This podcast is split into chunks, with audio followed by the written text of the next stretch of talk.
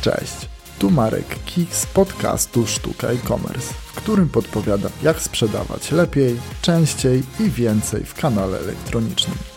Dziewiąty odcinek to moja rozmowa z gościem o tym, jak dobrze obsłużyć internetowego klienta. Dowiesz się, dlaczego obsługa klienta jest taka istotna, jakimi narzędziami dysponują firmy i jak przygotować odpowiednie środowisko.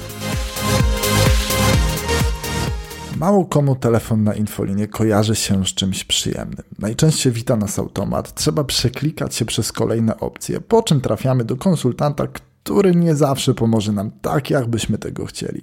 No, myślę, że przynajmniej raz byłeś niezadowolony właśnie z takiej obsługi klienta. W internecie niestety sprawy komplikują się jeszcze bardziej, no bo przecież klient może zapytać o status reklamacji na przykład nie przez telefon, a przez okno czatu. Nie wszystkie sklepy są w ogóle na taki scenariusz gotowe, a później dostają łatkę, że mają bałagan w biurze obsługi klienta, no i później niestety taka opinia się dość dobrze niesie po internecie. Jak w takim razie zrobić to lepiej? Do dzisiejszego odcinka zaprosiłem Marka Bartnikowskiego, CEO Tulium.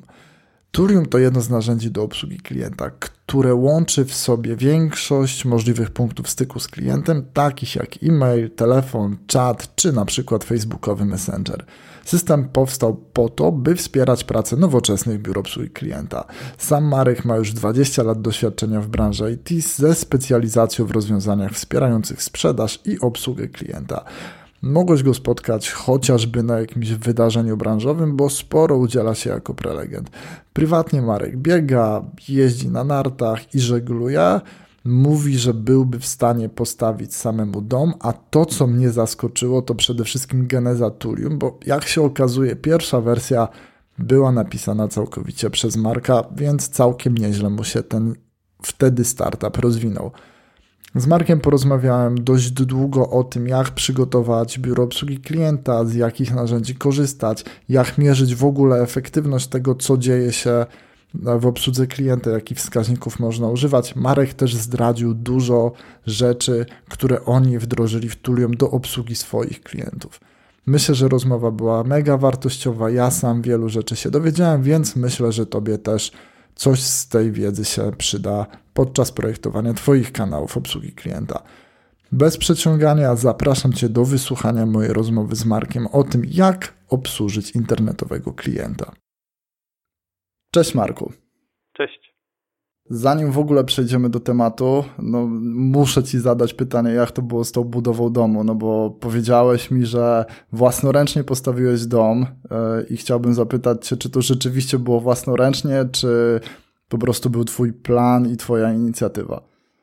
Znaczy dokładnie do Ci napisałem, że jestem w stanie własnoręcznie postawić dom, nie że postawiłem, ale jest to prawie, jest to, no jakby czuję się na siłach, dlatego że e, kiedyś własnoręcznie postawiłem altanę na działce, murowaną. No więc no nie jest to dom, oczywiście altana, natomiast e, tak, to, to zrobiłem to własnoręcznie i e, tak naprawdę bez, bez pomocy fachowców. No, popełniłem oczywiście ileś tam błędów, ale no to był dom murowany z drzwiami, z jakimś tam jednym oknem i z, nawet robiłem więźbę dachową samodzielnie i później to przykrywałem nie pamiętam czym, ale no, jakąś tam dachówką, blachą, dachówką czy czymś. No więc y, czuję się na siłach, że jakby było trzeba, no to też mogę taki dom y, taki no, prawdziwy, że tak powiem, postawić. Czyli tak naprawdę człowiek orkiestra, no i można powiedzieć, że już naprawdę orkiestra, skoro z jednej strony potrafisz zbudować, a z drugiej strony no też się pochwaliłeś, że pierwsza wersja Tulium to było twoje własnoręczne dzieło. No tak, no ja jestem z, z zawodu, z wykształcenia i zamiłowania y, programistą, więc y, więc tak, no projekt Tulium to był jeden z moich takich dwóch flagowych projektów, których jestem najbardziej dumny w życiu. Inny to był projekt no, dla, dla pracodawcy jakiegoś mojego poprzedniego, też, też bardzo fajną rzecz zrobiliśmy, ale to już nie o tym dzisiaj. A jeśli chodzi o Tulium, no to, to, to, to tak, no, z rozżywieniem y, wspominamy z kolegami czasami właśnie pierwsze, pierwsze wersje systemu, gdzie, gdzie jakieś tam części były pisane tak karkołomnie w jakimś takim niskopoziomowym C i no, no jest, jest to wspominać, więc y, no później to oczywiście no to już, już przejęli to y, koledzy programiści, ale pierwsza wersja była w 100% od początku do końca y, oprogramowana przeze mnie. Czym dzisiaj się zajmujesz w Tulium w takim razie? No bo rozumiem, że skoro nie programujesz, a system dość mocno się rozwinął od tego czasu, no to twoje obowiązki pewnie się zmieniły. Jak wygląda teraz twój dzień? Jakie są twoje obowiązki? No, niestety nie programuję. Mówię trochę tak, y, to trochę był żartem, ale trochę z rozżywieniem, rozżywieniem że niestety, bo no, sprawiało mi cały czas, sprawiało mi bardzo dużą radość zagłębianie się w takie techniczne zagwozdki. Y, w tej chwili staram się dzień mój sprowadzić do tego, żebym nie miał co robić, bo i tutaj mówię trochę tak no poważnie, że y, staram się te operacyjne rzeczy y, delegować na, na swoich y, świetnych współpracowników, ludzi, wszystkich, którzy, z którymi współpracujemy.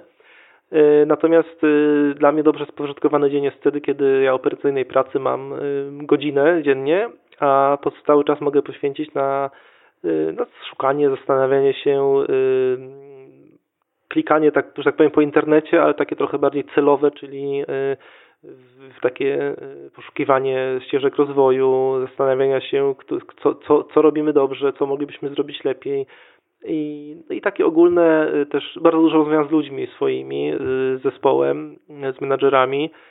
Zastanawiamy się nad tym, co jak idzie, co można zrobić lepiej. No, mamy dynamiczną sytuację, bardzo jesteśmy SAS-em, więc u nas się bardzo dużo zmienia. Firma z roku na rok jest tak naprawdę cały czas prawie że inną organizacją, można powiedzieć, więc no jest tej pracy takiej koncepcyjno-menedżerskiej bardzo, bardzo dużo. Mhm, przejdę na pewno do tego jeszcze, jak w ogóle zmienia się rynek obsługi klienta, bo wydawałoby się, że wszystko już było wymyślone, a z tego co mówisz, to absolutnie jest całkowicie inaczej, te trendy się zmieniają. Natomiast zanim do tego przejdziemy, to chciałbym, żebyśmy zaczęli od podstaw, czyli takiego może wyjaśnienia e, kilku pojęć. Dzisiaj mówi się o obsłudze klienta w zakresie customer service i używa się też określenia customer experience. E, to są takie dwa pojęcia, które wydaje mi się, że niesłusznie zamiennie są używane przez rynek do określenia obsługi klienta i czym tak naprawdę te dwie rzeczy od siebie się dzisiaj różnią? Wiesz co, one się też trochę tak przenikają, bo no, customer service, czyli to jest obsługa klienta po prostu, ja to bym zdefiniował jako takie y, zbiór y, zasad i narzędzi i, i, czynno, i procedur dotyczących tego, w jaki sposób obsługiwać klienta. Czyli to, myślę, to każdy jest w stanie sobie wyobrazić, prawda, poukładanie tych procesów w firmie, wyszkolenie ludzi itd., tak itd., tak które powodują, że klienta obsługujemy w jakiś sposób, prawda, w taki, jakimkolwiek kanałem, no, to, to kanałach jeszcze pewnie będziemy mówić. Natomiast customer experience, no to to jest to doświadczenie klienta, które się buduje, kiedy on się z nami y, kontaktuje i my go tymi naszymi procedurami y, y, przetworzymy, że tak powiem trochę brzydko. Ale i, i to, to on, on buduje sobie jakieś doświadczenie współpracy, współpracy z nami. No tu mówimy o obsłudze klienta, więc nie wychodźmy na razie może współpracę, o, o pracę na naszym produkcie. Czyli doświadczenie doświadczenie klienta w kontekście jego obsługi, no to to będzie, to będą te odczucia wszystkie i, i to, to, co sobie klient, to, to, to jaki, jaki obraz siebie zbudujemy przez wdrażanie tych procedur obsługi klienta. Ja bym tak to, tak to ujął. No bo Customer Experience też się odnosi bardzo mocno do aplikacji na przykład, które, y, do produktów, które wdrażamy, czyli w naszym przypadku to jest nasza aplikacja do obsługi klienta i tutaj te, też możemy w tym kontekście mówić o e, o, customer experience, używania danego, danego produktu, to, to też dlatego to zależy od, od, w którym kontekście to, to ujmiemy. Ale takim najbardziej obsługowym, no to, to, to byśmy ujęli to w ten sposób, że my budujemy y, doświadczenie klienta przez, przez jego obsługę. Mhm, czyli tak naprawdę customer service to jest to, co my robimy, i w jaki sposób my to robimy, a Customer Experience to jest z grubsza to, w jaki sposób to wpływa na klienta, jak on odbiera te nasze działania, jak on się z tym wszystkim czuje, tak? Okej, okay. E, zanim przejdziemy w ogóle do praktyki, e, ja mam taką tradycję, że zawsze zaczynam od tego, żeby uzasadnić sobie, że dany temat jest ważny. I chciałbym tutaj zaprosić Cię do pewnego przekonania słuchaczy, że ta sprawa obsługi klienta i tego, jak oni to odbierają, jest w ogóle ważne. I zacznę może tak troszeczkę pod włos, no bo w dzisiejszym sklepie praktycznie zawsze jest jakiś live chat. E, mogę sam się obsłużyć i ja z tą obsługą klienta mam dość mały kontakt. Inaczej jest w sklepie stacjonarnym, no bo rzeczywiście wtedy ta obsługa klienta jest fizycznie, e, ja mogę być wtedy niewłaściwie obsłużony, mogę pozostać w jakimś niesmaku. Natomiast jak to wygląda w e-commerce? No, tego kontaktu jest mało i czy w tym kontekście ta obsługa klienta ma rzeczywiście aż tak duże znaczenie? Tak, no to jest bardzo, bardzo dobre, do, fajnie zadane pytanie, bo e, obsługa klienta, dopóki nie mamy z nim kontaktu, ona trochę tak nie istnieje i jest nieistotna, ale e, no bo tak jak powiedziałeś, jeżeli ja zrobię zakupy, nie wiem, czy na Allegro, czy w jakimś tam innym sklepie internetowym i po prostu klikam i uda, uda mi się samemu zamówić dany produkt, to w zasadzie ja się obsłużyłem bezobsługowo no nie było ze mną kontaktu, więc w ogóle trudno mówić o obsłudze klienta. Wtedy wchodzi y, w grę ta customer experience, czyli moje doświadczenie zakupu, tak? Czy, czy to było proste, wygodne, czy fajnie, czy nie wiem, prosty sposób płatności i tak dalej, i tak dalej. Całe to moje doświadczenie yy,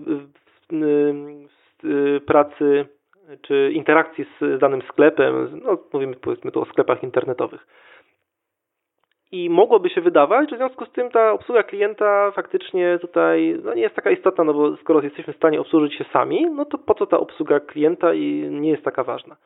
No natomiast jak się okazuje, y, no jest to, mm, jest to prawdą tylko do tego momentu, kiedy klient nie musi się z nami jednak skontaktować w jakikolwiek sposób.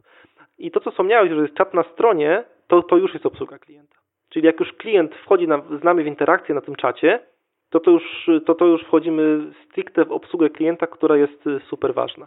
A ważna jest y, dlatego, że każda interakcja z nami, z naszymi y, ludźmi, czy no mówimy na razie z ludźmi, powiedzmy interakcja z botami to pewnie jest troszeczkę jeszcze inny temat, ale interakcje z ludźmi, którzy pracują dla nas, dla naszej firmy, no, powodują jako, jakieś nastawienie, jakoś tego klienta do, do procesu zakupu i tak naprawdę do jego decyzji, czy on w ogóle taki, taki zakup, e, takiego zakupu dokona. I i ta obsługa klienta zaczyna się już w pierwszej interakcji, czyli jak ktoś napisze na czacie cześć i, na, i to już to, w jaki sposób my go przywitamy, czy go od, odpowiemy mu, to to już jest, to powinno być y, jasno powiedziane i y, powinno być to wykonywane dokładnie według ścisłych procedur. Ja zawsze za przykład po takiej idealnej obsługi, albo znaczy idealnej nie w kontekście, że najlepszej, ale usystematyzowanej, to możemy sobie wziąć e, na przykład McDonalda restaurację. Oczywiście to jest na miejscu obsługa, ale to jest jakby e, drugorzędna sprawa w tej chwili. Jak pójdziemy do McDonalda, gdziekolwiek na świecie tak naprawdę, okej, okay, no nie byłem w wielu krajach w McDonaldzie, ale w iluś tam byłem, to ta obsługa jest praktycznie taka sama, prawda?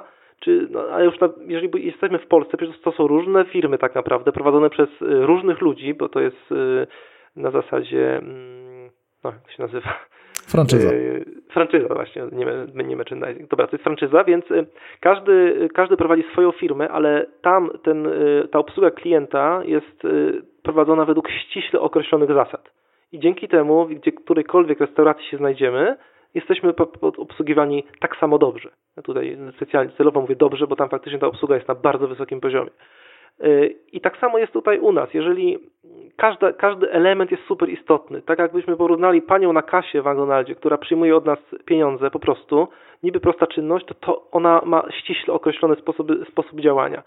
I jeżeli chcemy, żeby nasz biznes też rósł, żeby, e, żeby, żebyśmy sprzedawali coraz więcej, to musimy również takie procedury sobie e, wdrożyć, czyli począwszy od tego, że jak się przywitamy z klientem na czacie nawet, już nie mówię o tym, że powinniśmy się uśmiechać, kiedy odbieramy telefon, bo tu klient, to, klient słyszy, że się uśmiechamy, prawda? To, to, to takie, takie, takie niuanse już z samej obsługi telefonicznej, ale to w jaki sposób napiszemy na czacie, czy damy jakiś emotikon do tego i tak dalej, to to nie może być przypadkowe. To musi być zaplanowane i organizacja powinna mieć na to y, ściśle określone, określone zasady. I całość tych naszych działań potem się przekłada na, tak, na to, w jaki sposób klient nas, nas, naszą markę postrzega. Jeżeli będziemy y, działać chaotycznie, losowo, no to tak, pan Janek obsłuży klienta świetnie, ale pani Kasia ma zły humor dzisiaj, więc, y, więc po prostu będzie neutralna, nie mówię, że niemiła. I to, i to może spowodować, że klient będzie nie okay już z tym. Więc no jest, obsługa klienta jest niezwykle istotna.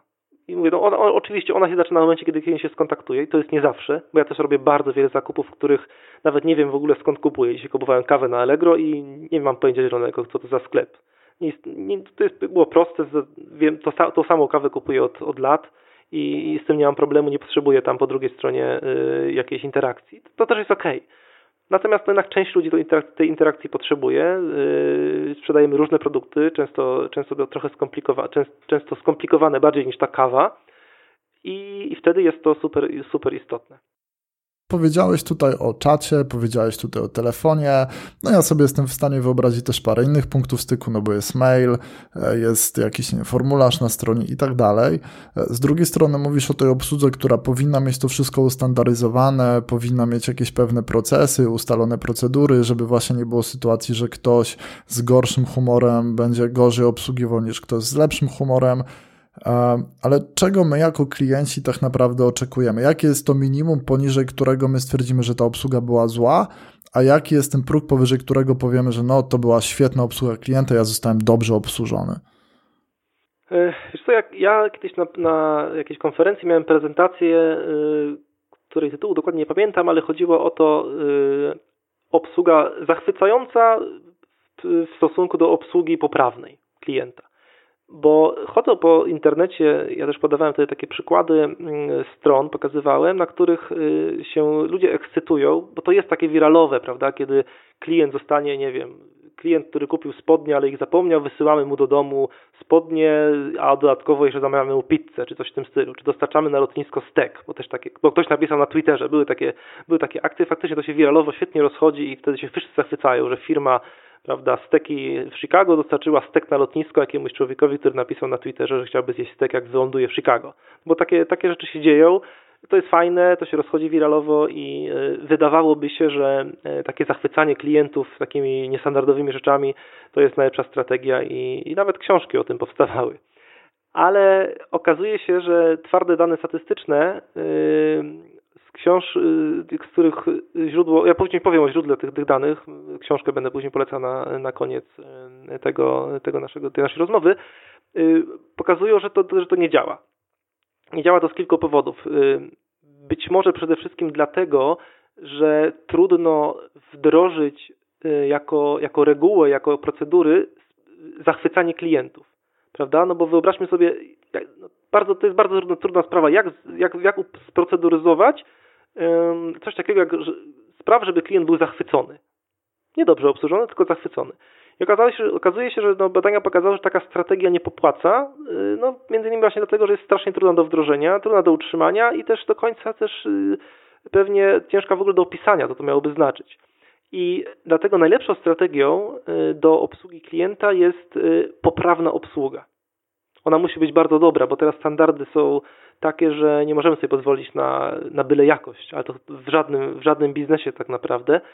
Ale y, to, co się okazało, i to, to, to jest oparte danymi właśnie statystycznymi, to to, że y, klienta powinniśmy obsługiwać po prostu wystarczająco dobrze. Nie, nie, nie, ma takiej, nie ma żadnej potrzeby, żeby y, jak, jakieś fajer... Klienci nie oczekują fajerwerków.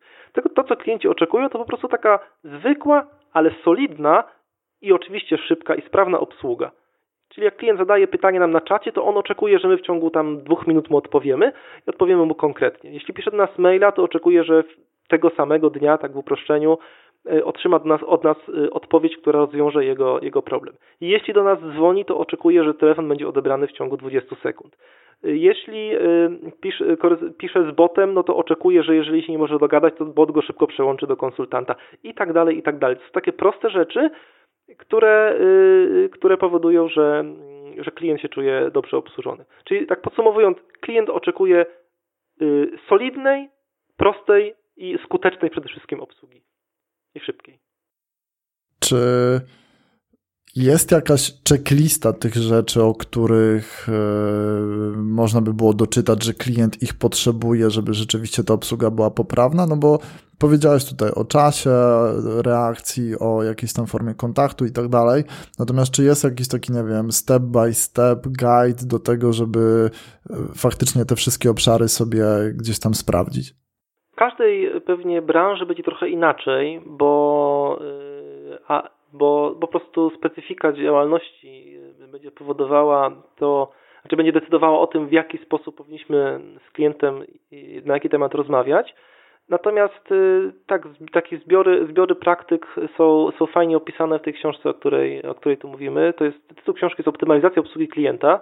Y, trochę mi się nie podoba ten polski tytuł, bo oryginalny tytuł jest y, Effortless Experience, czyli taka doświadczenie, ja to kiedyś tak fajnie przetłumaczyłem na polski effortless, czyli to jest bezwysiłkowe. Tak? Czyli, no, tak Takie bezwysiłkowe. Prostu, tak, bezwysiłko, bez, bezwysiłkowe doświadczenie nawet. Tam nie jest, e, w tytule oryginalnym nie ma słowa obsługa klienta, tylko tam jest effortless experience, czyli bez, bezwysiłkowe doświadczenie. No to chodzi oczywiście, ale tu chodzi o obsługę klienta. Czyli, tak, czyli chodzi o to, żeby minimalizować, nawet oni tam to piszą, czyli chodzi o to, żeby skupić się nie na rozwiązywaniu nawet problemów, co jest super istotne, ale na minimalizacji wysiłku klienta. Czyli to są takie, takie proste rzeczy na przykład, y, jeśli chcielibyśmy podać jakiś prosty przykład, to jest to, że jeżeli do nas klient dzwoni, załóżmy, i mówi, szanowny panie, bo tam mi nie działa y, ta poczta, załóżmy, tak, jak tutaj skonfigurować skrzynkę. I standardowo usłyszymy, ok, rozumiem, to proszę wysłać maila z opisem, prawda? A prawidłowa odpowiedź, w cudzysłowie, powinna być, ok, ja to zanotuję, stworzę za pana u nas zgłoszenie, i poproszę o odesłanie, o dosłanie na przykład zrzutu ekranu. Czyli odciążamy klienta z tej jednej czynności, żeby on nie musiał szukać maila do nas, wysyłać, kombinować. My go mamy, prawda? Wiemy, że to jest nasz klient, pan Jan, wysyłamy, mamy do niego e-mail, mamy do niego telefon, więc handlo, ten człowiek, który odebrał telefon, nie handlowiec, tylko yy, człowiek z biura obsługi, specjalista, zbiera informacje przez telefon, bo klient już wykonał tą czynność, wykonał, yy, podjął duży wysiłek wbrew pozorom, bo też o tym możemy trochę później powiedzieć, że to, że klient nas zadzwonił, to już jest bardzo duży wysiłek po jego stronie. Okazuje się, że bodajże 60% klientów, którzy, y, którzy dzwonią do biura obsługi, żeby rozwiązać swój problem, próbowało wcześniej samemu ten problem rozwiązać w internecie, na stronach tego, y, tego swojego y, dostawcy usług. I więc oni już, już są po dużym wysiłku i teraz jeżeli my powiemy mu, panie jeszcze wyślij nas maila, tak? Standardowa odpowiedź, wyślij maila, naprawimy. To okej, okay, no to jest irytujące. Nawet to, to słychać w rozmowach. Ja, ja trochę jestem oczywiście, no mam takie spaczenie, jeśli chodzi o tego typu rzeczy, ale jak, jak faktycznie ja gdzieś dzwonię i nakreślam problem, tłumaczę przez 5 minut, a potem pani mówi mi, a no rozumiem pani Marku, to proszę wysłać maila, zrobimy. Nie? Bardzo miła jest pani, ale po prostu mnie już gotu, gotuje w środku, bo ja jej wszystko powiedziałem, więc muszę teraz opisać jej to, co ja już jej powiedziałem. Ja bym oczekiwał, i tak, takie są oczekiwania też klientów, nie tylko moje, że to ona spisze to wszystko, o czym, o czym, co ja jej powiedziałem, wyśle mi to, y, za, założy za mnie taki, takie zgłoszenie, ticket, jak to nie nazwiemy, i ktoś tam się tym zajmie. A jeżeli będą potrzebne dodatkowe informacje ode mnie, to ja je chętnie doślę, prawda? Więc y, no, to, to jest taki jeden z wielu, wielu przykładów y, od, odciążania klientów z tej, od, tej, od tej roboty. Pewnie masz dość duży przegląd z tytułu nawet swojego stanowiska, jak to wygląda w polskim internecie. E, pokusisz się o ocenę tego, jak w ogóle polskie e-commerce radzą sobie z obsługą klienta. Raczej jest tak, że jesteś zadowolony jako statystyczny użytkownik, czy raczej jesteś sfrustrowany, bo masz takie sytuacje, o których przed chwilą powiedziałeś? Wiesz co, no ja niestety y, no, z racji tego, że bardzo dużo uwagi na to zwracam, to y, jestem nasz przesadnie wyczulony na, na, na, na to, jak to wygląda ale tak czy inaczej myślę, że na razie jeszcze jest słabość z naszą obsługą. I to nawet nie chodzi o to, że nie wiem, że narzędzi nie mamy czy coś, tylko to bardziej chodzi o takie nastawienie y, w głowie. Y, taka, taki fajny przykład y, porównania, jak obsługa wygląda w Stanach, jak wygląda u nas, to niedawno, że, znaczy miałem wykupioną usługę jako firma na jakieś tam online spotkania, taki, miałem roczny abonament na coś tam, nieistotne, jakaś amerykańska firma, to, to bez znaczenia. To było dość drogie, bo to kosztowało chyba 1000 dolarów rocznie, coś takiego. I y, ja stwierdziłem po, po, po pół roku używania, że no, nie, nie będziemy tego przedłużać. No, ale nie odłączyłem karty kredytowej, już tam nie zrezygnowałem, nie anulowałem tej subskrypcji, zapomniałem o tym. No i przyszedł tam ten okres odliczenia, no i oni wysłali po prostu mi maila, tam y, cześć Marek, no oni oni na cześć zawsze, no tam przedłużyliśmy subskrypcję, tam fajnie coś tam i tak dalej. Ja mówię, cholera, no zapomniałem, no bo 1000 dolarów ściągnęło, nie używamy tego prawie już.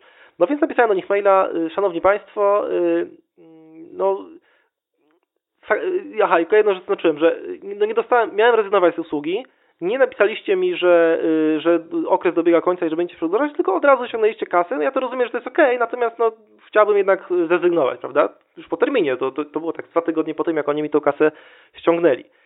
No i yy, była to 100% moja wina, tak? Ja tego nie dopilnowałem. No ale yy, ja tak trochę się poczułem, kurczę, no mogliby przypomnieć czy coś, no ale dobra. Ale gdyby powiedzieli, że nie, no to też trudno, no zawaliłem sprawę. No i słuchajcie, no, od yy, mail od razu, no, yy, bardzo szybka odpowiedź. Oczywiście Marek, sorry, przepraszamy, tak? Chociaż nie mają za co. Yy, już zwracamy kasę i w ogóle nie ma tematu, nie? Już tego mam nadzieję, że jeszcze do nas wrócisz, czy byś chciał coś jeszcze i tak dalej, i tak dalej, więc yy, no, no to w ciężkim szoku byłem, bo yy,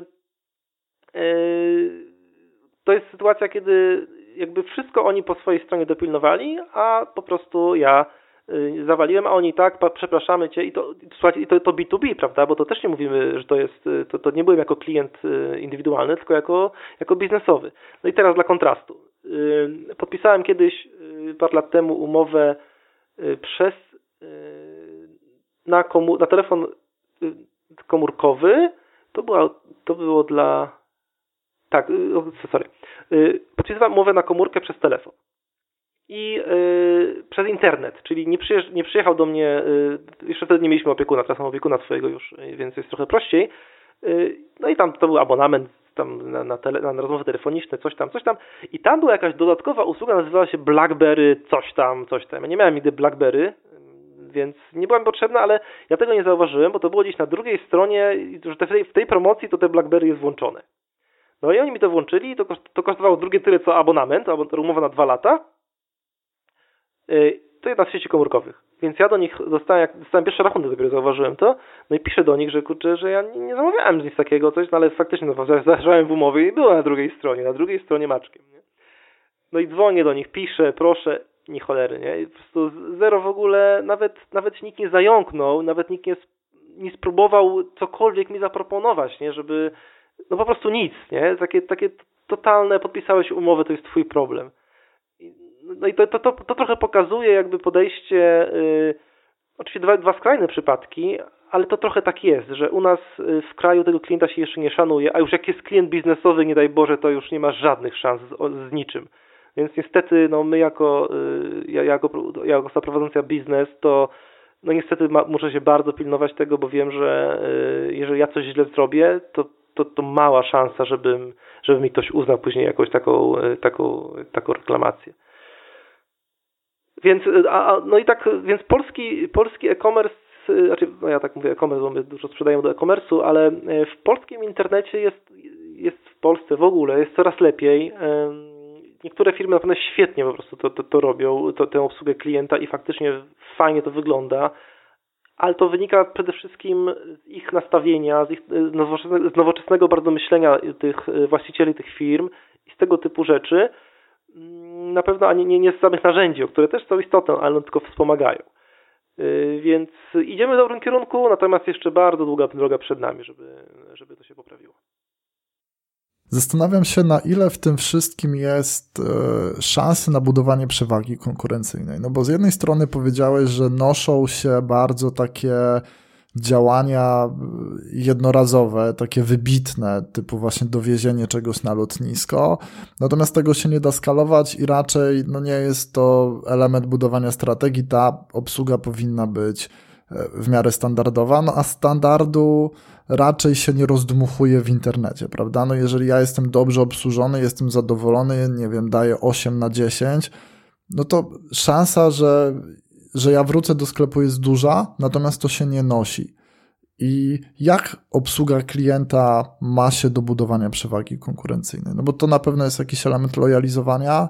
Jak zawalimy, no to to się może roznieść w tej negatywnej formie i to nam e, narobi krzywdy. Natomiast na ile rzeczywiście, jeżeli ja będę miał dobrą obsługę klienta, to mi się to przełoży na to, że będę miał więcej klientów, a nie bardziej lojalnych klientów tylko jedna z drugą jest powiązane, czyli to więcej klientów i bardziej lojalni, no bo yy, wiemy, że lojalni klienci, yy, którzy cenią sobie naszą markę, będą, będą nas polecać znajomym, więc to, to, to jedno z drugim jest jak najbardziej powiązane. Yy, a jeśli chodzi o to, czy, czy obsługa klienta się opłaca, czy, czy buduje nas biznes, to oczywiście no są, są, jest masa statystyk dotycząca tego, że no, obsługa klientów jednak popłaca. No to oczywiście to nie jest działanie, które taka, taka solidna solidna obsługa klienta, solidne biuro obsługi klienta nie spowoduje, że nagle nam lawinowo zacznie przybywać klientów. Nie, absolutnie. Natomiast no jeżeli chcemy budować budować biznes, który będzie nam stale rósł w jakimś tam, w jakimś tam stałym tempie, to no bez dobrej obsługi klienta naprawdę będzie bardzo, bardzo trudno. No teraz jakby sposób dzielenia się informacji, zło, zło, złych, znaczy złą informacją w szczególności w internecie jest strasznie prosty, więc a też y, być może większość z Was wie, a jak nie, no to to, to jest, jest tak, że osoba, która jest niezadowolona z obsługi, podzieli się z tym statystycznie tam chyba z 20 osobami, a, a taka zadowolona, no to właściwie powie jednej, dwóm, że, że coś było fajnie tak, tak zwyczajnie fajnie, bo nie mówimy o tych, o tych sytuacjach, kiedy prawda, dowozimy te pizze na lotnisko. Więc no, jeżeli, nawet możemy, jeżeli ktoś nie wierzy tak do końca, że ta dobra obsługa klienta jest taka super istotna, to może też podejść do dobrej obsługi jako obsługi, która nie jest zła. Czyli e, robimy to, żeby nie mówili o nas źle, prawda? Czyli robimy dobrze, nie po to, żeby było dobrze, jak, to, jak w to nie wierzymy, że się przekłada, ale to w takim razie chyba każdy wierzy w to, że to, że jest źle i mówią o tym później w internetach, Y, to chyba każdy wie, że to jest, jest to bardzo szkodliwe dla nas wszystkich. No tak, no niezadowoleni klienci na pewno noszą się bardziej, e, no każdy gdzieś tam szuka tego ujścia dla swojego żalu, e, a rzeczywiście poprawność obsługi, nawet jeżeli to jest bardzo dobra obsługa, no to dla nas gdzieś tam jest standardem, więc e, być może mniej zyskujemy, no ale według Ciebie jednak mimo wszystko ten rozgłos jakiś będzie, tylko po prostu trochę mniejszy. Tak, to może nawet nie rozgłos, ale takie marketing szeptany, prawda, więc y, że nawet, słuchajcie, no jednak ludzie z y, opiniami dobrymi nie tak chętnie, ale też się, też się dzielą, jeżeli y, poszukamy sobie w internecie na dowolnym portalu, który zbiera opinie o, o, sklepach, powiedzmy, internetowych, no to jest dużo tych, łatwo znaleźć firmy, które, znaczy łatwo znaleźć takie, takie, takie rankingi, prawda, widać jaką ocenę uzyskuje sklep w oczach, w oczach swoich swoich klientów. I, to, i na, tym, na tym się bazuje. No, ja też kupując w nowym sklepie rzecz, która jest droższa niż tam paręset złotych, no to zwracam baczną uwagę na to, od kogo kupuję. No, oczywiście jak kupuję tam za 20 złotych kapcie, no to to bez znaczenia jest, ale już jak kupuję coś większego, no to, no to się zwraca na to uwagę i też czasami się pyta, tak, okay, gdzie kupiłeś nie wiem, swój nowy telefon w jakimś sklepie. Kupowałem niedawno telefon i kupiłem mu jednego z naszych, z naszych klientów. Mnie przekonałeś, mam nadzieję, że słuchaczy też. E, zresztą mnie nie trzeba było mocno przekonywać, no bo ja jestem jedną akurat z tych osób, która e, ponosi bardzo duży wysiłek emocjonalny, jeżeli musi zadzwonić do konsultanta, no bo ja już jestem nastawiony negatywnie w momencie, w którym dzwonię, bo wiem, że to się może skończyć tragicznie, będę musiał się przeklikiwać przez tysiąc różnych skryptów, na końcu trafię do konsultanta, który nie wie, co ja od niego chcę, więc mnie zrzuci na przykład do biura obsługi klienta, więc dla mnie to jest trudne, więc e, rzeczywiście mnie nie trzeba jakoś mocno przekonywać. Myślę, że słuchaczy może troszeczkę bardziej, ale po tej części sądzę, że już raczej niedowiarków nie będzie, chociażby właśnie na tej na wykorzystanie tej strategii, o której mówiłem, że róbmy tak, żeby nie mówili o nas źle, e, co, co też jest jakimś tam całkiem niezłym pomysłem na to, żeby sobie ten biznes budować. Przejdźmy do praktyki. Powiedziałeś o tym, że tak naprawdę każda branża będzie troszeczkę inna, każdy, e, pewnie też każda grupa docelowa będzie miała jakieś swoje potrzeby i powiedzmy, że dzisiaj chciałbym zaprojektować sobie obsługę klienta, czyli podejść do tego, jakie są te procesy, jak sobie poukładać dział, jakich użyć narzędzi. No ale podejrzewam, że wszystko zaczyna się od klienta. I tutaj pytanie do ciebie, jak w ogóle poznać tego klienta? Najlepiej poznać w ten sposób, że po prostu pytać, analizować obsługę u siebie, w, u siebie w firmie, czyli czytać maile i słuchać nagrania. Jeżeli mamy już sprawnie działający zespół, to wystarczą rozmowy też z zespołem. To już bardzo, bardzo dużo wnosi. Yy, I dzięki temu możemy wiedzieć, co ten klient, yy, czego on oczekuje, z jakimi problemami dzwoni, yy, czy jest, no, czy jest zadowolony, to już jest kolejny, kolejny etap, bo, bo to już jest, wchodzimy do etapu mierzenia tego, tego, co się dzieje. Ale tak, żeby poznać klienta, to, to analiza interakcji z nim.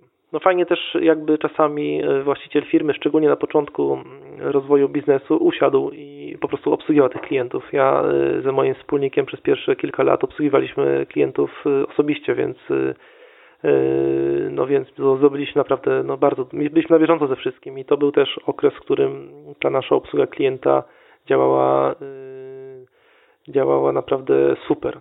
Teraz też, też udało nam się wrócić do tego, do tego stanu, ale, ale mieliśmy później mieliśmy takie czasy, których było bardzo trudno. To nie jest proste takie budowanie obsługi, działu obsługi klienta, ale da się to zrobić. Jeżeli chodzi o tych nowoczesnych klientów, to no wszystkie raporty w tym momencie mówią, że klienci kupują wielokanałowo, e, więc też wielokanałowo podchodzą do innych spraw związanych ze swoim zamówieniem, w tym na przykład do procesu nie, zwrotu czy reklamacji. Może być tak, że oni kupią coś e, w salonie, później zwrócą to w sklepie. Pytanie o reklamację czy o zwrot zrobią telefonicznie. No i jak tak naprawdę zaprojektować obsługę klienta, która będzie te problemy adresowała, no bo chyba nie ma nic gorszego niż zadzwonienie do biura obsługi klienta, od którego po 20 minutach czekania dowiem się, że tak naprawdę źle się dodzwoniłem, bo to nie są zamówienia internetowe, tylko stacjonarne. Tak, wiesz co, ja też, też kiedyś od prezentacji mówiłem o tym, że y, żeby przede wszystkim, jeżeli chcemy uruchomić jakiś kanał obsługi, oczywiście, bo, no teraz czat jest już normalny, ale w momencie, kiedy on teraz popularne zdobywają boty, o których też możemy zaraz dwa słowa, y, Chodzi o to, że jeżeli uruchamiamy nowy kanał obsługi klienta, to powinniśmy się do tego bardzo, bardzo mocno przygotować i dobrze. Y, ja mam takie doświadczenie, że klienci, y, nasi klienci również uruchamiali na przykład czat na swojej stronie, ale kompletnie bez, bez przygotowania jakichkolwiek sposobów, procedur działania, szkolenia ludzi, znaczy nawet szablonów odpowiedzi, po prostu stwierdzali, ok, wrzucamy czat na stronę, tak, jako takie hasło, wszyscy konsultanci od dzisiaj też muszą obsługiwać czat.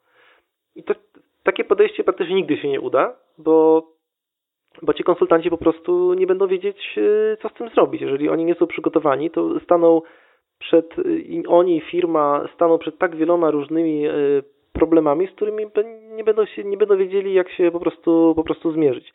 Dlatego, żeby, dlatego, żeby zacząć obsługę klienta w ogóle, jeśli mówimy o tym omnichannelu w różnych kanałach, to najważniejsze jest y, zaplanowanie strategii dla każdego z kanałów komunikacji. Jako ciekawostkę to powiem Ci, że mm, myśmy wdroży, wdrożyli obsługę naszych, na początku obsługiwaliśmy klientów przez telefon i, i e-mail, to jakby od zawsze, ale w pewnym momencie stwierdziliśmy, OK, dołączamy też czat. Ja mówię o, o, o tym na, wsparciu naszych klientów, czyli nie, nie o dziale handlowym, tylko o, o, naszym dziale wsparcia klienta. I dołączyliśmy czat. I ten czat po dwóch latach bodajże wyłączyliśmy. Dlatego, że okazało się, że z tego typu problemami, jak klienci do nas dzwonią, to ten kanał jednak nie jest, nie jest ok, bo poświęcamy strasznie dużo czasu na rozwiązywanie problemów, których dosłownie na czacie na przykład rozwiązanie problemu zajmuje 25 minut, w rozmowie telefonicznej 2 minuty.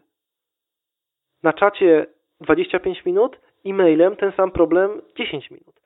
I okazało się, że takich problemów prostych w naszej sytuacji, na których można odpowiedzieć faktycznie na czacie, jest na tyle mało, że korzyść z ich rozwiązania, bo faktycznie niektóre się rozwiązuje szybciej, tak? Proste pytanie, y, nie wiem, jak skonfigurować, y, nie wiem, pocztę głosową w Tuliu? No to oczywiście wysyłamy link do y, artykułu na naszej bazie wiedzy i klient być może sam sobie poradzi. Ale, ale to jest jakiś mały odsetek problemów. Okazało się, że większość problemów, które, z którymi klienci do nas dzwonią, są dużo bardziej skomplikowane, no bo taka jest specyfika naszej, naszej aplikacji, naszej usługi.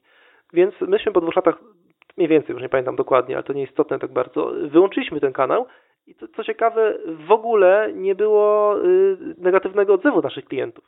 Y, więc wręcz ze zrozumieniem dostaliśmy parę takich maili na, tego, na, ten, na tą informację, że o fajnie, no to może, może w takim razie łatwiej się będzie trochę dodzwonić, prawda? No bo, bo agenci będą, mm, konsultanci będą y, bardziej do dyspozycji i faktycznie, faktycznie tak, się, tak się stało. Nie spadła jakość obsługi nam w tym momencie, w momencie wyłączenia czata, E, no po prostu podskoczyła. A co więcej powiem, my, my byliśmy, byliśmy, przygotowani do tego czata, także to jest kolejny aspekt, bo mimo przygotowania do tego, jak to, jak to obsługiwać, to to i tak nie zdało egzaminu z innych powodów. Z tego powodu, że ten czat w naszej, w naszym, e, w naszej konkretnej sytuacji dla naszych klientów nie był dobrym kanałem obsługi. Więc to, to, to jest kolejna rzecz, żeby zastanowić się, czy w ogóle kanał, który chcemy uruchomić, jest odpowiedni dla, dla problemów, z którymi zwracają się do nas nasi klienci. Czy taki konsultant powinien mieć dostęp e, do, do wszystkich kanałów, w których klient może na przykład składać zamówienia?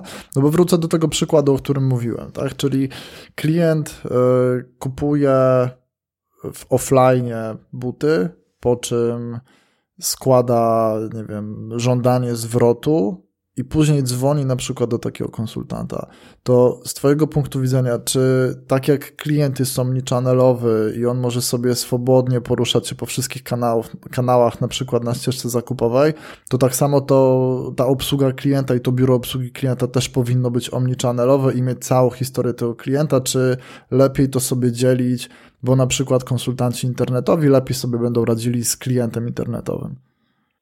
Wiesz co, to troszeczkę jakby wykracza ten temat poza taką zwykłą obsługę klienta, tak mi się wydaje, bo to jest jakby bardziej dotyczy tego, jak chcemy prowadzić biznes w kontekście y, offline, online. Niemniej, jeżeli, jeżeli damy, damy możliwość y, składania reklamacji czy wycofania się z produktu przez internet dla klienta, który kupił y, stacjonarnie, to absolutnie musi być informacja dla tych wszystkich ludzi, którzy pracują na telefonie czy, czy, czy, czy na mailu, doty, dotycząca y, zamówienia tego klienta, więc to jest, wydaje mi się, to jest bezwzględnie wymagane. Więc to, to, to myślę, że to jest y, no, dość od, od, prosta odpowiedź na takie pytanie, że jas, jasna sprawa. Jeżeli, jeżeli dopuszczamy, że klient nie musi przychodzić do sklepu, żeby złożyć reklamację, no to pracownicy obsługi klienta nazwijmy online'owego, online'owego muszą mieć dostęp do tych wszystkich zamówień, bo inaczej no to, no to co, nie jest w stanie po prostu ten pracownik nic z tym zrobić. Czyli tak naprawdę wychodzi na to, że ta obsługa powinna być w miarę scentralizowana i raczej nie przepchana kanałami, jeżeli one, nie wiem, nie będą obsłużone odpowiednio, albo jeżeli one nie mają sensu w danym biznesie, tak? Tak, dokładnie tak. Mhm. A jakie te punkty styku są, nie wiem, takie, jaka jest minimalna ilość tych punktów styku? Czy to jest tak, że nie wiem, czat wystarczy, czy formularz kontaktowy, czy może, nie wiem, tylko zgłoszenia telefonicznie albo tylko zgłoszenia mailowe?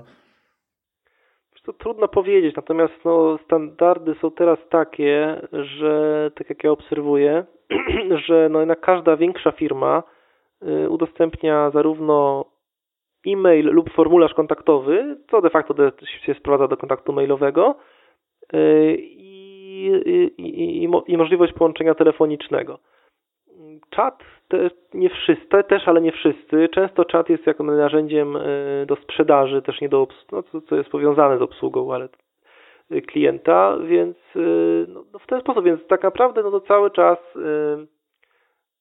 no, czyli tak, no wszystkie nowoczesne, now, nowsze, nowoczesne firmy, które, które chcą, chcą być na bieżąco, to oczywiście uruchamiają te kanały, kanały czatowe. Niektórzy uruchamiają jakieś połączenia Skype, Whatsappy, ale to raczej jest margines, przynajmniej, przynajmniej w Polsce. Y, więc to, na czym się głównie y, skupiamy w tej chwili, no to jest, jest to cały czas ten stary, stary stuletni telefon, y, kilkudziesięcioletni e-mail, no i ten kilkuletni, kilkunastu już letni, letni czat. Jeśli mówimy o interakcji z ludźmi, no bo oczywiście wchodzimy teraz też w epokę tych wszystkich botowych spraw, które też się, też się rozwijają bardzo. No właśnie, to jest dobry moment, żebyś może też troszeczkę opowiedział o narzędziach, no bo to nic nie występuje w próżni. Domyślam się, że e, położenie konsultantowi telefonu na stole nie rozwiązuje wszystkich problemów obsługi klienta, no bo to się gdzieś musi rejestrować, trzeba obsłużyć sytuację, kiedy ten konsultant nie może odebrać tego telefonu, gdzieś musi się odkładać historia i tak dalej. Po drugiej stronie są też na pewno jakieś narzędzia, które sobie z tym radzą lepiej lub gorzej. No i teraz pytanie, jak w ogóle wygląda e, budowa obsługi klienta w kontekście narzędzi? Na co pozwalają dzisiejsze narzędzia? Na co zwrócić uwagę przy wyborze? E, czego unikać? E, nie wiem, czy bardziej zwracać uwagę na ilość dostępnych kanałów, czy na możliwości danego narzędzia? Jak ty widzisz to od strony eksperckiej? No najważniejsze, czyli tak jak y, ja to ja, tak jak klienci zwracają na to uwagę to, co klienci najbardziej, e, na co najbardziej zwracają uwagę, na co, znaczy co, jest, co ich najbardziej boli tak naprawdę w, w obsłudze klienta i w ogóle, no tak, w obsłudze klienta, okay, skupię się na obsłudze, e, to, to, że informacje o interakcjach z klientem są e, w różnych miejscach. my się bardzo często spotykamy z tym, że klienci niestety cały czas nas postrzegają jeszcze, chociaż tak się nie, staramy się nie pozycjonować jako system contact center, call center, czyli no, w Polsce się to kojarzy cały czas z telefonem, prawda? Call center, telefon. No to myśmy też faktycznie zaczynali od obsługi telefonicznej w naszym systemie, ale potem jak się okazuje, że, że klient jest w stanie z naszego systemu w, w jednym systemie obsługiwać i telefon, i e-mail, i chat, i messengera, i, i integrację jeszcze mieć z jakimiś swoimi sklepami internetowymi, no to okazuje się, że jedno narzędzie jest w stanie mu zastąpić ileś tam do komunikacji z klientem. Więc to, to, to jest to wydaje się, że jest największa wartość, którą klienci dostrzegają y, w tego typu aplikacjach jak nasza, że cała interakcja z klientem, y, niezależnie od tego, od kanału, z którym, którym nastąpiła, czy to jest właśnie telefon, chat, e-mail, czy też chatbot, czy, te czy też voicebot, bo to też u nas już jest zintegrowane, jeżeli klient y, gada z voicebotem, to, to później w Tulium u nas jest to, jest to dostępne, jako, o czym on z nim gadał, tak? Nagrania rozmów voicebotowe też, też są, są rejestrowane w Tulium więc to jest, y, to jest to naprawdę super, super wygodne dla klientów. Ale oprócz tych, ja sobie też zapisałem tutaj przed, przygotowując się do tej rozmowy, że oprócz tego narzędzia takiego typowego do obsługi, to to, czego my używamy jeszcze w, w Tulium do obsługi naszych klientów, to jest nie tylko nasza aplikacja, ale na przykład takie wewnętrzne rzeczy jak y, na przykład Slack, do, y, czyli taki komunikator, czat, czat wewnętrzny, który nam służy do tego, żeby nasi ludzie z działu obsługi mogli się na przykład szybko skonsultować y, nie wiem, z działem utrzymania, z działem rozwoju, czy z, czy z działem handlowym, czy z marketingiem w różnych sprawach, ale też między sobą na, na czacie. Mamy to, mamy to poorganizowane w, w takie kanały, na których tematyczne, więc to, to, to naprawdę się fajnie, fajnie sprawdza. Mamy też y, wyświetlone we wszystkich praktycznie pomieszczeniach, nie tylko w dziale obsługi, mamy wallboardy, na których sobie śledzimy różnego rodzaju wskaźniki.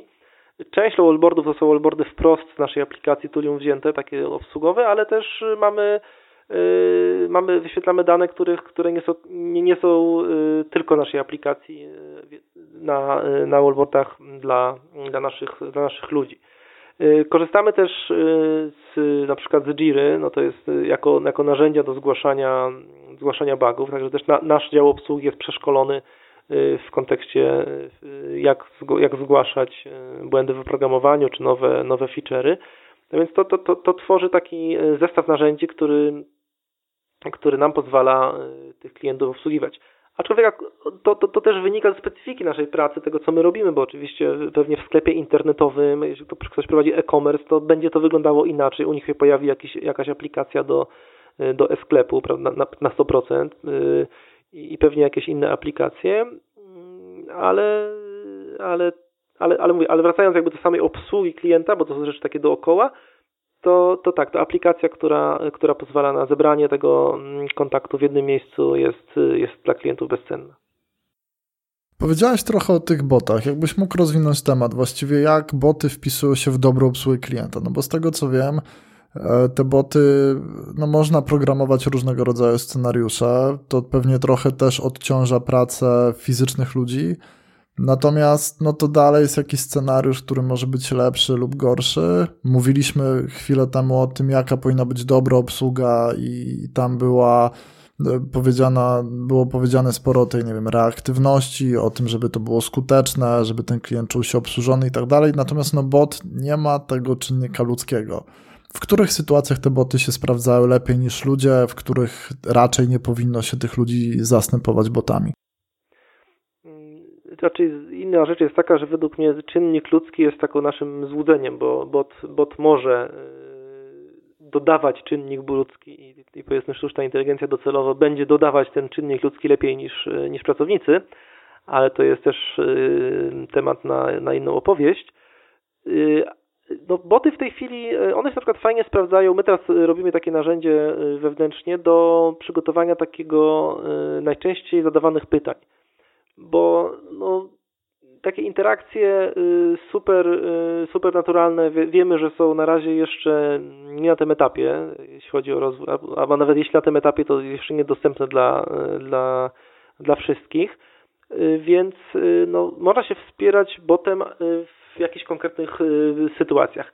Teraz tak, my współpracujemy z taką, jeśli chodzi o VoiceBota, nie robimy tego sami, współpracujemy z firmą, no, z zaprzyjaźnioną firmą, która nam dla naszych klientów realizuje takie voicebotowe rzeczy i yy, okazuje się, że największym wyzwaniem w wdrożeniu czy to voicebota, czy to bota yy, tekstowego, chatbota, jest tak naprawdę opracowanie właśnie scenariuszy, scenariuszy rozmów z tymi klientami i później dostrajanie tego bota yy, i pomaganie mu, no, trochę, trochę uczenie go. Bo y, no, te, te rozwiązania, które są dostępne, one jeszcze same się nie potrafią nauczyć a nawet gdyby się miały, gdyby się potrafiły, przynajmniej technicznie byłyby w stanie się czegoś nauczyć, to miałyby pewnie za mało, za mało danych. Ok, no może gdybyśmy takiego bota zapieli, nie wiem, w operatora telekomunikacyjnego, który ma set tysięcy być może połączeń dziennie, no to i odpowiednio tam nad nim posiedzieli, to może by się czegoś nauczył i umiałby coś sam robić, ale te rozwiązania, które są wykorzystywane przez większość firm, to są tak naprawdę dość, e, nazywamy je sztuczną inteligencją, ale to tak naprawdę są proste algorytmy, które e, wyszukują jakichś, jakichś słów, jakichś wyrażeń w, w tym, co, co mówi klient i próbują do tego dopasować najlepiej, najlepiej odpowiedź. Niemniej w niektórych sytuacjach naprawdę świetnie się to sprawdza, bo, e, bo, bo po prostu ułatwia to życie klientów. Nie wiem, na przykład InPost uruchomi takiego chatbota, który można sprawdzić sobie, yy, gdzie jest paczka moja, prawda? On robi tylko to właściwie, nic więcej. Tam jeszcze może przyłączyć do konsultanta, ale to są jakieś, jakieś drobne rzeczy. On, on, jego zadaniem jest to, żeby sprawdzić yy, właśnie, gdzie jest paczka. Czyli taki, z innej strony można sobie wyobrazić takiego bota w e-commerce, który sprawdza status zamówienia. A, czyli wpisujemy numer zamówienia, yy, a on mówi, ok, status swojego zamówienia jest taki i taki, tam, nie wiem, w, w transporcie, czy tam w, w konfekcjonowaniu, czy gdziekolwiek. I, I, takie bardzo specjalistyczne boty bardzo mogą pomagać. Mamy też doświadczenia fajne z wdrożeniem botów y, głosowych, które bardzo, bardzo też pomogły klientowi. Mieliśmy taki, taki case, że klient e, wykonywał bardzo dużo telefonów z pytaniem, czy chcesz przedłużyć swoje ubezpieczenie swojego samochodu. I się okazało, że y, i klienci tam odpowiadali na, w różny sposób, mówili, że tak lub nie, no bo to nie jest tak, że mówią tak, tylko mówią, a wie pan, zastanowię się, kurczę, no w sumie to coś tam, to może, no, może, może bym spróbował, prawda? No i ten bot musi takie coś wyłapać, że to jest tak odpowiedź. Y, ale się okazało, że y, zaprzęgając do tego bota, do takiego, takiej czynności, świetną uzyskał klient skuteczność tego, tego działania większość ludzi nie miało kompletnie problemu z tym, że to jest bot. Prawdopodobnie większość w ogóle nie, nie wyłapała, że to jest, że to jest bot, tak y, kiedy wspólnie z klientem odsłuchiwaliśmy tych rozmów y, bota z ludźmi. No i, y, i, i tak proste zadanie postawione dla bota okazało się, że bot jest w stanie spełnić naprawdę bardzo, bardzo dobrze i jego praca polegała na tym, że jeżeli klient odpowiedział, znaczy no potwierdził, że chce, tak, bo to odpowiedź to nie była nigdy, prawie nigdy nie była tak, Y, potwierdził, że chce, jest zainteresowany tą opcją przedłużenia ubezpieczenia, to wtedy od razu przełączał takiego człowieka do konsultanta już prawdziwego, a jeżeli nie, no to, to odkładał go ze znacznikiem, że nie. I, I się okazało, że skuteczność tego naprawdę, naprawdę bardzo, bardzo fajna, więc yy, wykorzystujmy te rozwiązania, natomiast zawsze musimy to, póki co, one muszą być super stricte dopasowane i super wystrojone do bardzo specjalistycznych zadań typu właśnie znalezienie numeru paczki, znaczy statusu zamówienia na podstawie numeru paczki lub yy, sprawdzenie, czy klient odpowiedział tak i nie na bardzo, bardzo proste, prosto zadane pytanie. I wtedy to się sprawdza naprawdę fajnie. Mhm. A jak się w takiej sytuacji zarządza kryzysowo odpowiedzią klienta? Powiedzmy, że bot nie zrozumiał tej odpowiedzi. No, klient nie wiem, zadzwonił zapytać o numer zamówienia, bot zapytał o numer, klient podał, bot nie zrozumiał numeru albo nie jest w stanie przetworzyć tego, co klient mówi, no bo nie wiem, klient ma wadę wymowy czy coś niestety, w tym stylu. No to wtedy, wtedy bot pyta jeszcze raz, niestety nie zrozumiałem, proszę powtórzyć. No i oczywiście, że to jest irytujące. Natomiast pamiętajmy, że y, tego typu działania zawsze, działa, zawsze się musimy opierać y, na statystyce. Ja jestem w ogóle fanem podejścia statystycznego do, do, różnych, do wielu rzeczy, bo jeżeli y, mamy tych pięciu załóżmy 5% klientów nie jest w stanie się w ogóle dogadać z tym botem, 10% tak powiedzmy za trzecim razem, ale 70, tam ile wyszło mi, nie wiem, 10, 85% yy, jest ok, no to, to to jest ok, to się po prostu biznesowo spina, nie? no bo wiemy, że koszty bota są takie, ludzie by musiało być tylu i tylu. Przeliczamy to po prostu, no firmy to przeliczają na pieniądze i, i sobie sprawdzają. Jeśli to się opłaca, to to robią, jak nie, to nie robią i tyle. No bo no to się do tego po prostu yy, sprowadza. Rozumiem, że można na przykład zaprogramować taki powiedzmy bezpiecznik na zasadzie bot nie rozumie drugi raz i przełącza do konsultanta, który już to ale obsłuży Oczywiście, ręcznie. oczywiście, no, takie rzeczy to, to, to, klienci robią, no, wiadomo, że klienci później się irytują i tak dalej, ale oczywiście, no wszystko można zaprogramować, no bot działa tak jak, e, tak jak my, go, my go zaprogramujemy, więc 100%. E, Powiedzmy, że wdrożyłem sobie to wszystko. Z tego, co mówisz, to tak naprawdę jest się gdzie wykazywać. Jest dość dużo takich płaszczyzn, na których można budować sobie tą przewagę, no bo z jednej strony jest dość dużo kanałów, z drugiej strony jest sam proces obsługi klienta, który może być bardziej lub mniej ustandaryzowany. E, z trzeciej strony no jest jeszcze to wsparcie w postaci na przykład chatbotów, czy, czy w ogóle automatyzacji pewnych procesów. Natomiast no, na końcu znowu zawracamy się do klienta, który w wyniku tych naszych działań będzie bardziej lub mniej zadowolony. No jest to pewnego rodzaju inwestycja. I teraz jak ja powinienem zmierzyć, czy co powinienem zmierzyć, żeby stwierdzić, ok, poprawia nam się, pogarsza nam się, to były dobrze wydane pieniądze, czy powinniśmy to zrobić zupełnie inaczej? To może taką, zacznę od takiej trochę anegdoty, bo e, w jaki sposób, znaczy my, my teraz powiem, jak my mierzymy obsługę klienta e, u siebie w, firmie, mamy do tego ileś tam wskaźników, którym się przyglądamy, ale okazało się, że po wdrożeniu tych wskaźników e, jakiś tam czas temu, ja w pewnym momencie przestałem na nie patrzeć. I tak się z taką refleksją mówię, dlaczego ja przestałem patrzeć na wskaźniki dotyczące obsługi klienta. No i okazało się, że przestałem patrzeć na wskaźniki obsługi klienta dlatego, że niezadowoleni klienci przestali eskalować do mnie cokolwiek. Więc y, to jest być może taki pierwszy wskaźnik, który, y, znaczy pierwszy, tak troszkę pół żartem, ale to jest y, no, w mniejszych firmach pewnie, chociaż w większych no to będzie, no, chyba w każdej firmie. Jeżeli mamy, nie mamy eskalacji problemów klientów wyżej, tylko ona zatrzymuje się na biurze obsługi, ok, ona może być na biurze obsługi, na konsultancie lub na szefie biura obsługi klienta, to wtedy on sobie tam to po swojemu robi, żeby takich eskalacji nie było. Natomiast no, akurat w naszej organizacji ja jestem kolejnym ogniwem, jeśli chodzi o eskalację problemów. Jeżeli do mnie przestają docierać e, sygnały od klientów, przestają klienci do mnie dzwonić, znaczy, nigdy na szczęście to nie było jakieś u nas częste bardzo, ale mieliśmy gorsze okresy, w których e, no niestety klienci dzwonili bezpośrednio do mnie w sprawie, w sprawie tego, że są niezadowoleni z obsługi. I to jest taki fajny, może nie wskaźnik, ale na pewno papierek lakmusowy do tego, czy się dobrze dzieje. I jeżeli e, się e, klienci do nas, do mnie nie dzwonią, mówię to w takim swoim przykładzie, ale jeżeli jesteśmy dyrektorem obsługi klienta biura i nie mamy eskalacji problemów do nas, to pewnie jest dobrze. Da? E, I, to jest dopiero moment, kiedy mamy taką sytuację, że do nas nie dzwonią, kiedy możemy się, za, jest sens zabierać się już za konkretne wskaźniki. Bo no, no można mierzyć, nie wiem, w pierwszy, w FCR, czyli First Contact Resolution, ale w sytuacji, kiedy na przykład co drugi dzień dostajemy od wkurzonego klienta telefon y, z wielkimi pretensjami jako, jako dyrektor, jako prezes firmy, czy gdzieś tam na wyższym stanowisku, czyli wyaskalowany już jest zupełnie poza biuro obsługi, no to to mierzenie tego wskaźnika FCR, no chyba nie, jeszcze to, to nic tam nie wniesie. No okej, okay, możemy sobie go mierzyć, ale to prawdopodobnie nam nic nie zmieni. Trzeba się zająć y, grubszymi sprawami. Więc y, więc tak to wygląda. Więc wracając teraz do, do wskaźników. Oczywiście y, musimy sobie ustalić konkretne wskaźniki mierzenia y, wydajności. Pamiętajmy, że jakich wskaźników byśmy nie użyli, one zawsze będą, zawsze, zawsze to są tylko liczby, które nam y, całej sytuacji nie pokażą, ale jednak, jednak dużo wnoszą. To, co my mierzymy u siebie, to dwie rzeczy podstawowe. Też uprościliśmy to, bo tych wskaźników jest naprawdę bardzo dużo i, można tutaj y, cuda wyczyniać.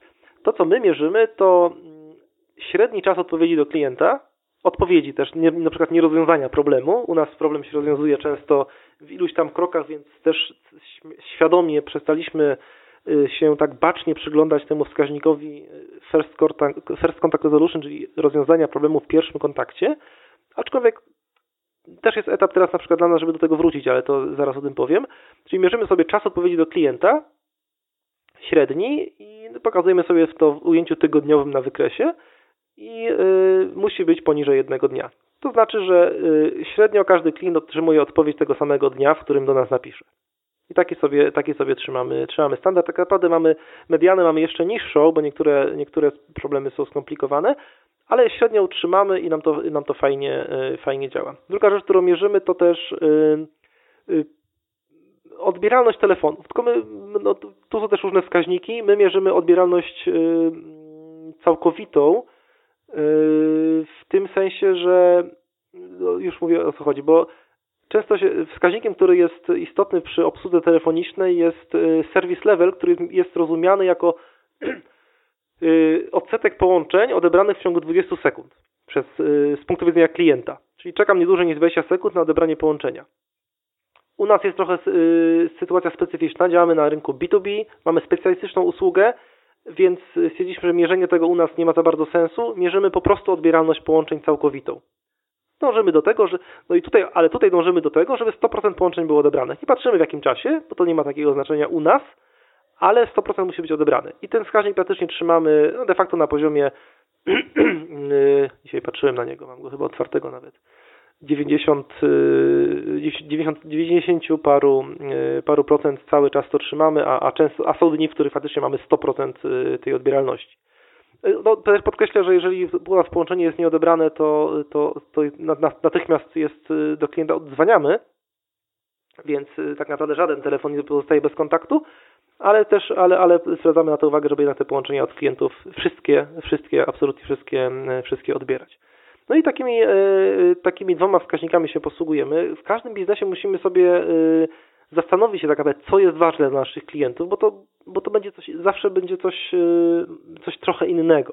Oczywiście są jakieś standardy i, i, i warto sobie o tym poczytać jakąś, jakąś książkę, co mierzyć, Natomiast y, potem musimy zawsze dostosować to do tego, y, jak to wygląda u nas, jak ci klienci, co, czego oni oczekują y, i tak, i tak dalej.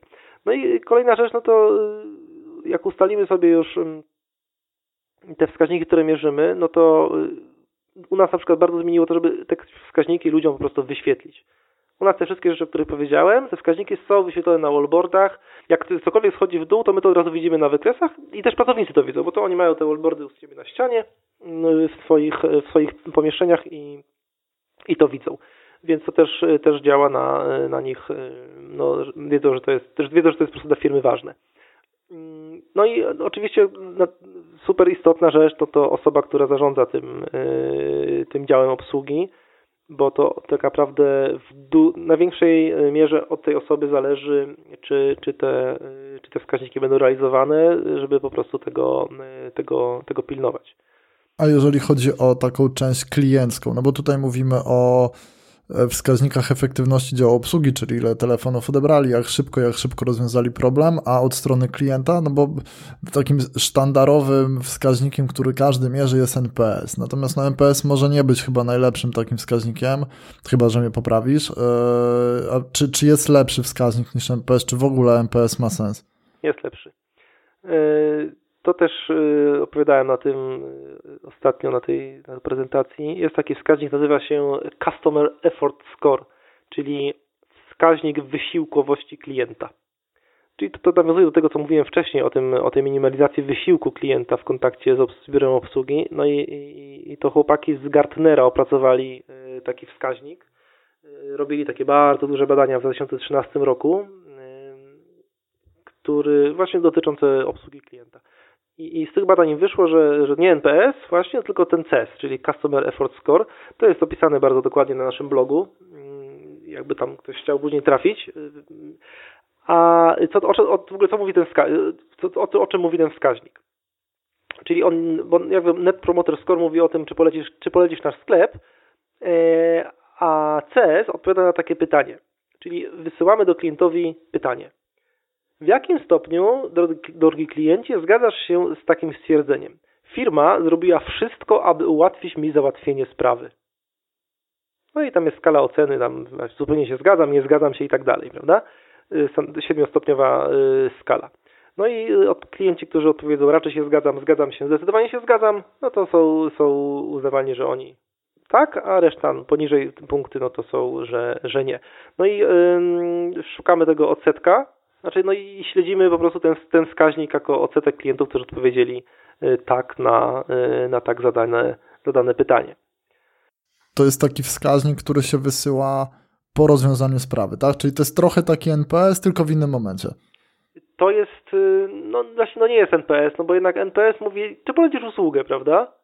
A to jest, to jednak trochę co innego jest, bo ja mogę polecić usługę, mimo że firma nie, y, nie zrobiła wszystkiego, no ja sobie poradziłem jakoś coś tam, ale, ale okej, okay, mogę cały czas powiedzieć, żeby kupili ten telefon tam u nich, nie? Ale to wcale nie znaczy, że, y, no to, to, ten wskaźnik dotyczy całego tego paradygmatu Y, takiej minimalizacji wysiłku y, klienta, czyli tej, mm, to, bo to, to wszystko bazuje na tej, na tej książce, ten Effortless Experience, bo książka w ogóle powstała jako wynik badań tego Gartnera dotyczących obsługi klienta, więc to jest tak naprawdę bardzo takie naukowe opracowanie, ono jest przetłumaczone na polski. Warto, warto to zobaczyć, to nie jest łatwa lektura, ale, ale no, no chyba lepszego opracowania y, nie widziałem, bo to, to, to nie jest y, prawda, takie bajdurzenie o tym, że, że coś ktoś zrobił fajnie, tylko to są twarde dane i znaczy są wszystkie informacje poparte super twardymi danymi. Mhm, Okej, okay. na pewno te materiały podlinkujemy, bo, bo też sam się zainteresowałem, jak jak to mierzyć, bo szczerze mówiąc pierwszy raz słyszę o tym wskaźniku, o którym mówisz, więc myślę, że też wielu słuchaczy pierwszy raz dzisiaj o nim usłyszało, więc też chętnie w ogóle wdrożył tą procedurę. Ja ze swojej strony może dodam, że chyba nigdy mnie nikt o takie coś nie zapytał. No tak, no to nie, ja, ja też, mnie też chyba nikt nie zapytał, nikt o to mówiąc szczerze. No właśnie, to też się trochę wiąże z tym, co opowiedziałeś o tym, jaka jest ta nasza jakość obsługi klienta w Polsce. E, no nie jest to wskaźnik jakiś absolutnie popularny, bo podejrzewam, że jako dość częsty klient sklepu bym się raz z nim chociaż zetknął, a na pewno go nie kojarzę. Od czego mógłby zacząć taki początkujący sklep? No bo to, o czym mówimy tutaj, to już jest takie naprawdę mocne żyłowanie wyników, e, zakładające, że jest jakiś dział, ktoś tym zarządza, mamy narzędzia, mamy różne punkty styku, klient może być omnichannelowy, E, i dość dużo rzeczy może się wydarzyć. Natomiast e, wiem, że część słuchaczy jest takimi absolutnie początkującymi właścicielami sklepów internetowych, którzy no, z jednej strony nie mają budżetu, z drugiej aż tylu klientów, z trzeciej takiego działu biura obsługi klienta. E, I tutaj pada pytanie, jak tak naprawdę zacząć? Od czego? Czy bardziej, nie wiem, po prostu skupić się na telefonie, czy mieć widget czatu, czy i, i nadrabiać zaangażowaniem, czy podejść do sprawy jeszcze inaczej?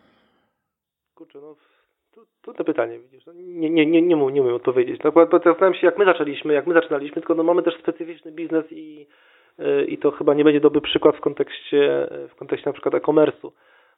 Aczkolwiek, jak tak patrzę sobie na te e-commerce'y mniejsze, które są naszymi klientami, to oni wszyscy, zgłaszając się do nas, kiedy dorastali, do, dojrzewali do tego, że ok, poszukajmy jakiegoś systemu do obsługi, to oni wszyscy y, robili obsługę klienta na komórce i na Gmailu. I to wcale nie znaczy, że to im źle wychodziło, bo na początkowym etapie, kiedy y, sklep internetowy, cała firma to jest y, właściciel i jeden pracownik na przykład, tak jak zresztą było u mnie kiedyś, y, to, to każdy robi wszystko, ale to, ma, to, ma to taką zaletę, że tak naprawdę my ogarniamy całość. I to jest jedyny moment, w którym ogarniając całość, jesteśmy w stanie faktycznie dobrze robić taką obsługę klienta bez żadnego systemu, bez żadnych kurczę skomplikowanych yy, yy, skomplikowanych zasad, nie wiem, routingu połączeń, jakichś y, przekazywania maili i tak dalej. Po prostu mamy skrzynkę mailową na Gmailu, mamy tę komórkę, która nam dzwoni i jesteśmy w stanie naprawdę robić to dobrze. No, oczywiście w pewnym momencie dojdziemy do tego, że jak podłączymy w drugą komórkę, nie daj Boże, i damy dwa numery na stronie, to powinien być sygnał, bo, bo, nam, bo nam ten jeden cały czas dzwoni, na przykład i klienci narzekają, że się nie mogą dodzwonić, to już jest na pewno sygnał, że już dawno trzeba coś, dawno trzeba było coś z tym zrobić, a, a w tej chwili na pewno już trzeba coś z tym zrobić. I teraz klienci się często zgłaszają w takich momentach, kiedy przestają ogarniać maile, przestają ogarniać telefony, bo już nie wiedzą, co się dzieje. No i to jest pora, żeby, żeby to y, usystematyzować, czyli wpublikować jeden numer telefonu na stronie, jeden adres mailowy, i wszystko, wszystkie, wszystkie wiadomości, całą komunikację e, zbierać sobie, sobie w jednym miejscu. I to chyba tak naturalnie też wychodzi, no bo trudno sobie wyobrazić, żeby ktoś, kto ma sklep, zaczyna sam i sprzedaje baseny na przykład, e, żeby od razu zatrudniał cztery osoby do biura obsługi i stawiał im jakieś tam niestworzone systemy, bo to po prostu bez sensu jest. Więc jeżeli rośniemy organicznie, to, to, to sami do tego dojdziemy, ale ważne, żeby mieć świadomość, że, że, że można sobie pomóc różnego rodzaju narzędziami i, i też mm, mieć świadomość, że narzędzia typu Gmail, ich, e, ich wydajność się kończy w pewnym momencie, kiedy mamy już na przykład dwie osoby. A tak jak mówię, a papierkiem lakmusowym do tego będzie to, że klienci dzwonią do nas wkurzeni. Jak, jak nie dzwonią, znaczy, że robimy dobrze. Jak zaczynają dzwonić, roz, rozejrzyjmy się za jakimś systemem do obsługi. No tak, no i pewnie też ludźmi. Do, nowymi, dodatkowymi ludźmi. Okej, okay. Marku, zbliżamy się powoli do końca i koniec to jest taki moment, w którym możesz zostawić słuchaczy z dowolną myślą, prośbą, pytaniem, apelem, wnioskiem formalnym. I czy jest taka jedna rzecz, którą chciałby, żeby słuchacze wyciągnęli z tego wszystkiego i tak naprawdę wzięli sobie do serca? Tak, chciałbym zostawić y, Was y, z taką myślą, żebyście przede wszystkim słuchali swoich klientów i swoich pracowników.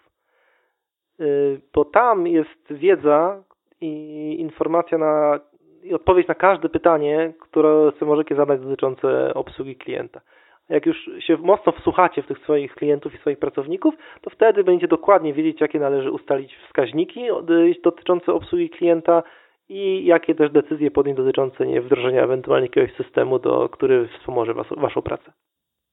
Super. Bardzo Ci dziękuję w takim razie za udział. Dzięki bardzo.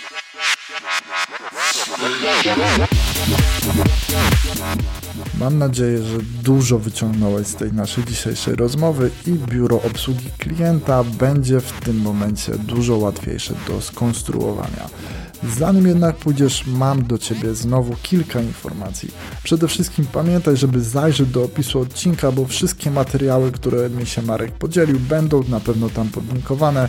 Znajdziesz tam też bonus w postaci dość ciekawego PDF-a od Tulium, więc warto tam zajrzeć, pobrać, no i się z tym wszystkim zapoznać.